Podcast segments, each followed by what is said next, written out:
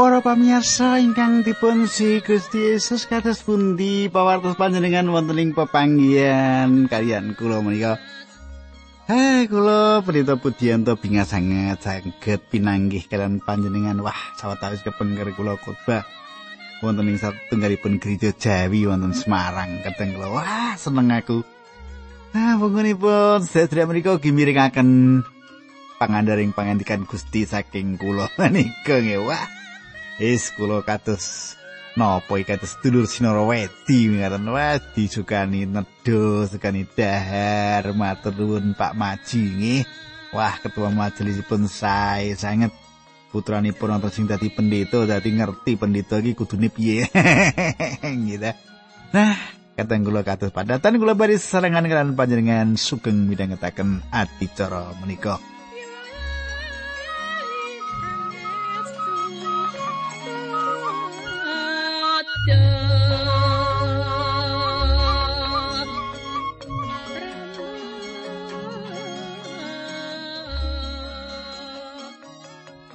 Kateng kula ingkang kula tresnani menapa panjenengan tasih kemutan menapa ingkang kula andharaken wonten ing pepanggihan kepengker. Ing wekdal kepengker kita sampun nyemak kados pundi Stefanus ngwangsuli sejarah kekayutan timbalanipun Abraham.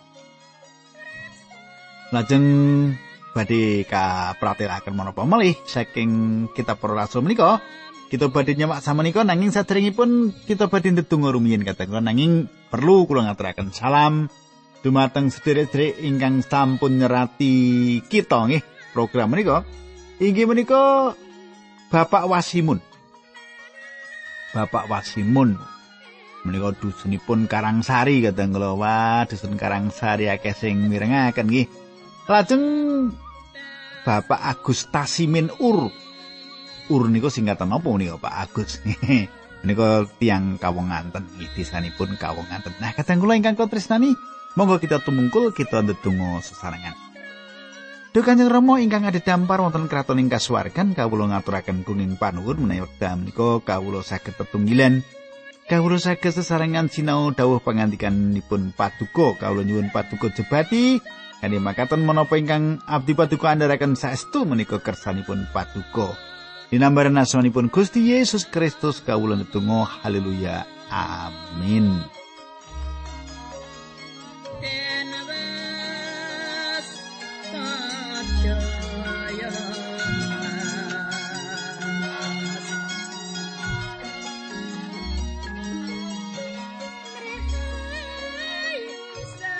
Para pamirsa samenika pasinaon kita sampun ngancik ing kitab Para Rasul bab 7 nggih bab 7 dumugi ayat sekawan. Nanging kawula badhe maosaken ayat sekawan ngantos gangsal kala kepengker sampun ayat telu nggih. Roma Abraham nuntun nilar tanah Kasdim lan manggen wonten ing kitha Haran. Saksedanipun ingkang Roma Roma Abraham nuntun kedawuhan dening Gusti Allah. Pindah saking riku dateng tanah ngriki ingkang panjenengan enggeni menika.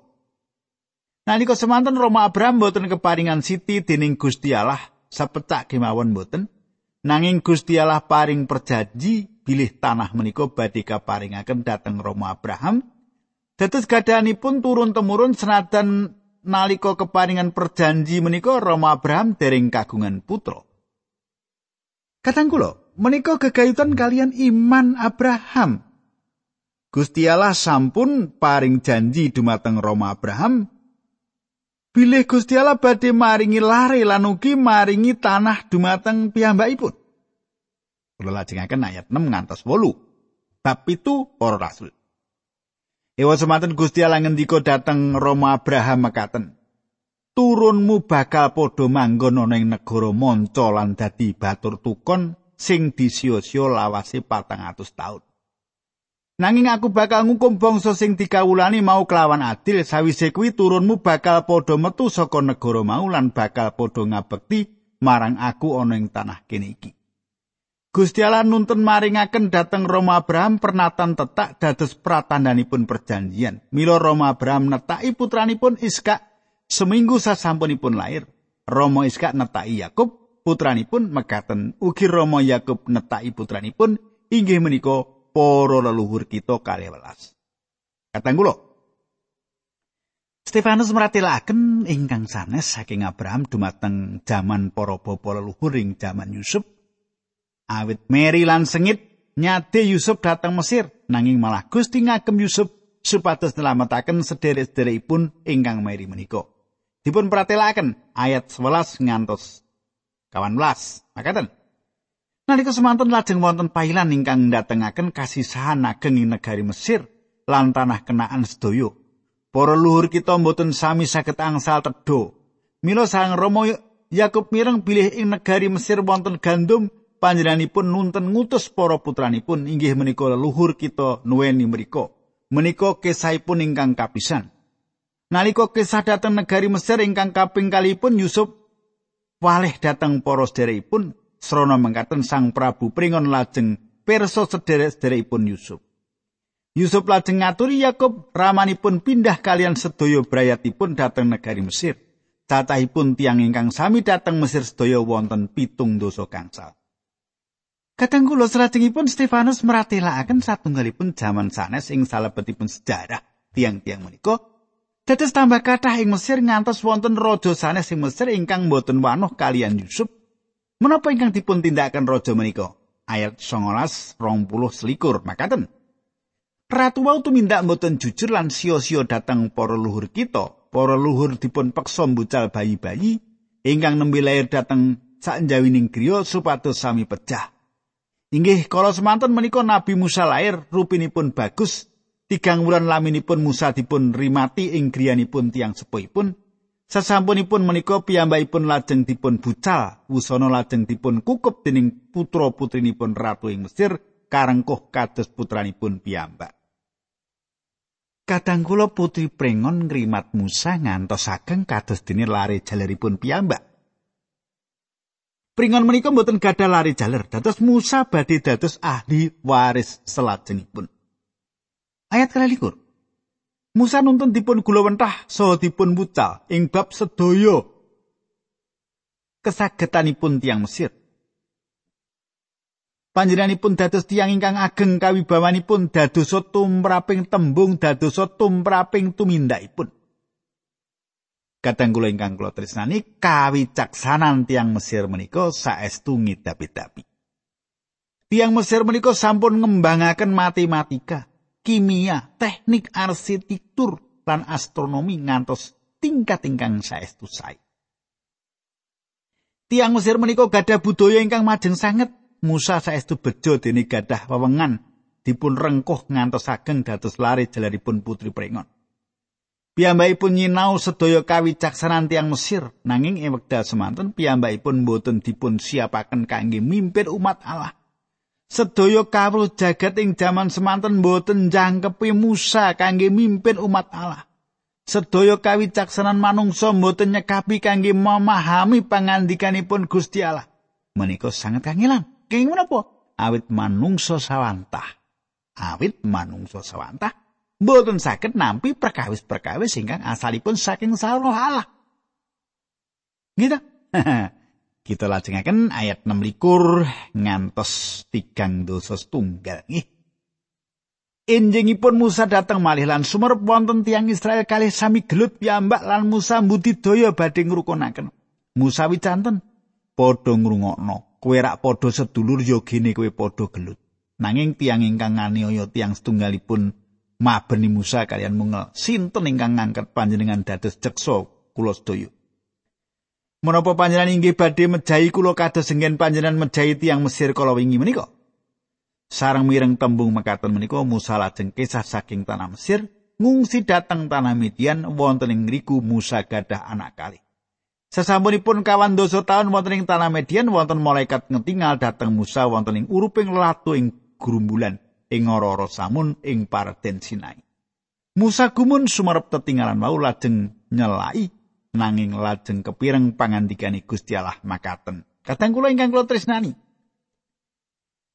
Musa gadah kekajengan bebasaken tiang-tiang Israel. Nanging piyambakipun dereng dipun siapaken kangge nindakaken perkawis menika. lan tiang Israel ugi dereng siap nampi pambebasan menika. Salajengipun Gusti Allah nimbali Musa supados piyambakipun dados tiang ingkang bebasaken. Ayat tigang dosa kalih ngantos tigang dosa sekawan. Aku iki alai para luhurmu, alai Abraham, Iskak lan Yakub. Saking ajripun Musa ngantos gumeter lan boten wantun dengenge.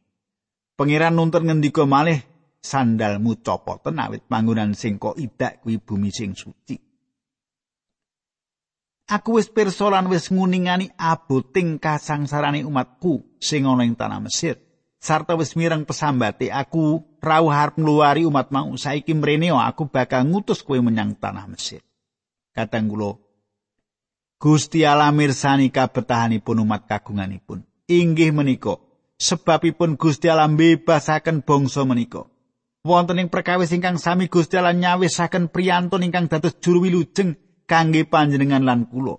Menika mboten awit kita menika kalebet tiang-tiang ingkang ngidapi-dapi. Kita sedaya dados tiang ical awit panerak kita. Gusti Allah tresnani kita sinaosa gesang kita mboten pantes. Ayat tigang dosa gangsal.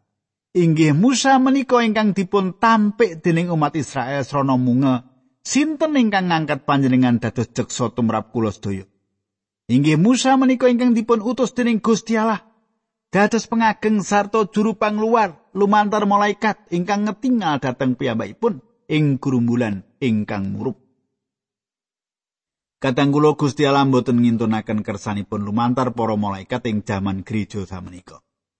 Ayat 3 dosa inggih Nabi Musa menika ingkang sareng kalian umat Israel nalika nglempak wonten ing Ororo Samun. Piyambakipun wonten ing ngriku sesarengan kalian para luhur kita lan kalian malaikat ingkang ngandika dhateng piyambakipun wonten ing Gunung Sinai. Nabi Musa menika ingkang nampeni pangandika ingkang asipat gesang saking Gusti Allah supados dipun terusaken dhateng kita. Para pamirsa ing basa standar kajarwaken pasamuan wonten ing basa pedinan umat Israel. Tembung pesamuan mboten ateges bilih wonten satunggal gereja ing salebetipun perjanjian lama ingkang liripun sami kalian gereja ing jaman perjanjian inggal. Tembung gereja inggih menika eklesia ingkang liripun dipun timbali medal. Malah satunggal kelompok ingkang dipun timbali medal saking kumpulan tiang kathah badhe dados sawijining eklesia, sawijining kelompok ingkang dipun timbali medal. Dados Israel wonten ing ora samun satunggalipun kelompok ingkang dipun timbali medal. Tiang-tiang menika dipun timbali medal saking Mesir dening Gusti Allah kangge satunggal tujuan mligi. Ayat 3 songo. Nanging leluhur kita mboten sami purun bangun turut datang piyambakipun, tiang-tiang wau sami nampik Nabi Musa sarta kepingin sami wangsul datang tanah Mesir. Kadang kula bangsa Israel mboten wangsul datang Mesir secara badan wadak. nanging manah bangsa menika ingkang asring wangsul dhateng Mesir. Sami kalian ingkang dumados ing jaman samenika. Tiang-tiang kala wong getuni sawetawis dosa jagat lan dosa kedaginganipun. Satunggal pitakenan ingkang perlu kita sukaaken dumateng badan piyambak inggih menika. Menapa kula kepengin nindakaken perkawis ingkang sami? Wonten pundi manahipun samenika? Israel wangsul dhateng Mesir ing salebetipun manahipun. Ayat kawandoso, tiang-tiang wau sami wicanten dateng Imam Harun kula mbok panjenengan damelaken pepetaning Allah sawetawis ingkang badhe mlampahing sengajeng kita awit kula sami mboten sumarep kados pundi kedatosanipun Musa tiang ingkang ngirit kita medal saking tanah Mesir. Kadang kula bangsa Israel mboten mangertos menapa ingkang dumados ing badanipun piyambak lan bangsa menika mboten mailu bangsa menika sampun nampik Musa. Ayat kawan tunggal Tiang-tiang mau lajeng sami damel brahala arupi pedet lajeng sami caos korban dateng brahala wau. Nuntun sami ngawontenaken pesta kangge ngurmati yasane tanganipun piyambak. Kateng kula Stefanus ngetingalaken dumateng bangsa Israel bilih piyambakipun tansah mbalelo. Bangsa Israel menika tansah mbalelo. Ayat kawan sekali, Gusti Allah nuntun mengkeraken tiang-tiang mau dipun umbar anggenipun sami manembah dateng lintang-lintang ing langit. Kados ingkang senat wonten ing kitabipun para nabi makaten ngelipun he wong Israel apa nggonmu padha nyembelih lan ngurbanake kewan-kewan sajroning kuwi ana ing ora samun patang puluh taun lawase kuwi kanggo aku. Panjenengan katosaken tiang-tiang menika manembah dumateng Brahala inggih menika sebabipun Musa ing salajengipun Yosua nyuwun bangsa menika supados milih Gusti Allah lan ngungkuraken anggenipun manembah dumateng Brahala. Ayat 23 ngantos ayat patang puluh songo nggih tak waca urutan wae nggih. Ayat kawan dosa tiga ora nanging tarupe molok lan lintangi dewa revan sing padha kok arak kuwi braholo. Rupa-rupa sing kok gawe lan kok sembah. Mergo saka kuwi kowe bakal ndak buang menyang sisih kananing negara Babel Para luhur kita sami gadah tarupe perjanjian ingkang mertandani bilih Gusti Allah wonten ing tengah-tengahe umatipun wonten ing ora samun. Taruh perjanjian menika dipun damel miturut dawuhipun Gusti Allah datang Musa nulat tulodo ingkang dipun tedahaken dening Gusti Allah datang Nabi Musa. Para luhur ingkang nampani taruh menika saking para tiyang sepuhipun taruh wau dipun beto nalika para luhur sami kairit dening Yosua nginggeni tanah menika. Tanah ingkang karebat saking bangsa-bangsa ingkang dipun tundung dening Gusti Allah saking sangajengipun para luhur kita. Tarup wau kasimpen ngantos dumugi jamanipun Sang Prabu Daud. Ayat kawan 6 ngantos kawan 9. Sang Prabu Daud angsa sehipun Gusti Allah lan nyuwun dhateng Gusti Allah supados dipun parengaken yoso pedalamanipun Gusti Allah sesembahanipun Yakub. Nanging istunipun ingkang yoso pedalamanipun Gusti Allah wau Sang Prabu Sulaiman. Ewa dene Gusti Allah ingkang Maha Luhur mboten dedalem wonten ing griya damelanipun manungsa kados ingkang dipun serat wonten ing kitabipun para nabi mekaten. Langit kuwi damparku lan bumi iki anci-anci ing padhaku omah kaya apa sing arep gawe kanggo aku. Ana ing ngendi panggonanku ngasuh. Ayat 50 ngantos 53 Apa ora aku dhewe sing nitahake samubarang iki kabeh? Mengkono pangandikane Gusti Allah. Wangkot temen manah panjenengan menika panjenengan menika kados tiang kapir. Ingkang boten tepang kalian Gusti Allah panjenengan boten beda kalian leluhur panjenengan ingkang tansah lawan roh suci. Menapa wonten nabi ingkang boten dipunani dening para leluhur panjenengan? Para utusanipun Gusti Allah jaman rumiyin. Ingkang sami martosaken bab badhe rawuhipun abdinipun pangeran sami panjenengan pecai lan samenika abdinipun pangeran sampun panjenengan tampik dan panjenengan sedani Inggih panjenengan ingkang sampun nampik Toret ingkang kaparingaken lumantar para malaikat. Iwa semanten Toret wau mboten sami panjenengan tetepi. Kadang kula secara lahiriah tiang-tiang menika sampun dipun sunat nanging manah lan talinganipun dereng dipun sunat. Tiang-tiang menika mboten purun mirengaken pangandikanipun Gusti Allah sami kados dene leluhuripun ingkang sampun mirengaken Gusti Allah sadangunipun mataun-taun. Stefanus ngimutaken bangsa menika gegayutan anggenipun kamardikaken saking Mesir. Stefanus mungkasi carios menika kanthi Yosua ingkang mimpin bangsa menika mlebet tanah lan Gusti Yesus ingkang nuntun tumuju swarga. Ayat 54 bareng para warganing pradata krungu tembung Stefanus mau kabeh atine panas banget lan padha ngeget untu saking gone gregeten. Kadang kula kados menapa sengitipun tiang-tiang menika dumateng Stefanus awit nyanjangaken menapa ingkang sampun dumados. Ayat 55. Nanging Stefanus kapenuwaning roh suci tumenga ing langit lan weruh kaluhurane Gusti Allah sarta Gusti Yesus jumeneng ana ing tengene Gusti Allah. Kadang kula awit Gusti Allah menika sang roh kados pundi panjenenganipun wonten ing sisih tengenipun Gusti Allah. Awit ing sisih tengen Gusti Allah netahaken papan ingkang utami papan kinormatan. Gusti Allah sampun paring prastyo dumateng Gusti Yesus Kristus bilih Gusti Allah badhe ngluhuraken panjenenganipun lan maringi panjenenganipun asma atas daya asma. Kasunyatan bilih panjenenganipun dipun papanaken ing sisih kananipun Gusti Allah nedahaken pakaryanipun ingkang sampun rampung. Panebusan kita sampun rampung nanging menika mboten ateges panjenenganipun sampun mandek anggenipun makaryo makili kita. Ayat 56 ngantos 58. Para rasul bab 7. Delengen. Aku weruh swarga mengolan putrane menungso jumeneng tengene Gusti Allah, pangucap Stefanus. Krungu tembung mengkono mau para warganing pradota agama padha bengok-bengok karo nutupi kupingi. Para wargane pradota agama banjur padha bebarengan ngeroyok Stefanus. Dilarak menyang sak njabane kutha nuli dibenturi watu para seksi padha cuculan nyelehake jubahe mau ing ngarepe nom-noman sing jeneng Saulus Kadangkula Stefanus lan Saulus wonten ing mriki sesarengan ingkang kawitan pindah.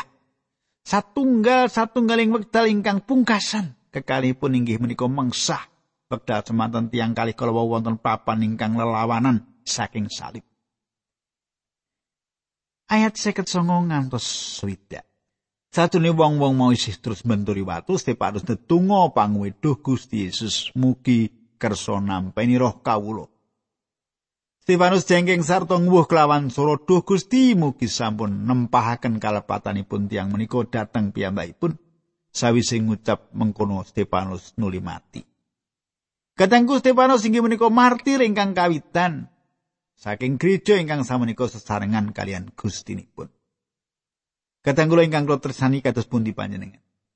Sasampunipun nyemak menapa ingkang kawula waos, kawula andharaken menika menapa panjenengan mangertos bilih dados tiang pitados mboten uwal saking kewajiban gelaraken kabar kabingahan dumateng tiang sanes. Panjenengan boten cekap namung mlebet gereja lenggah mirengaken kondur lenggah mirengaken kondur. Boten kados makaten minangka warganing pesamuan panjenengan kasampiran tugas kangge ngelaraken kabar kabingan menika dumateng sinten kemawon kalebet keluarga panjenengan. Sanak katang panjenengan lanuki tiang sanes ingkang purun mirengaken Prakawis pitados kalian boten pitados kalian kabar kapingan menika? Boten perlu dipun bingungaken boten perlu dipun repotaken menika pakaryanipun Gusti Allah. Ingkang paku kula lan panjenengan. Kedah gelaraken kabar kapingan sinaosa kala-kala. Risiko ingkang kedah kita tampeni awrat.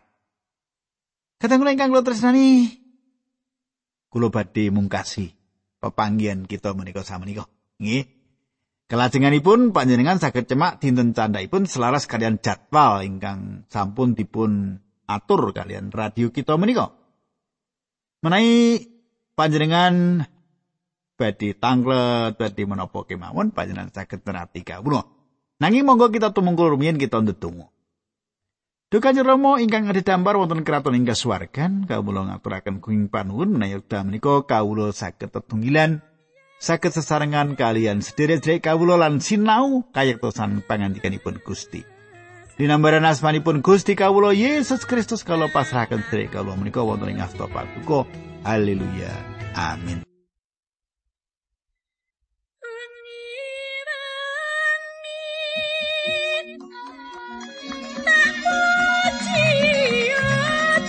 Yeah.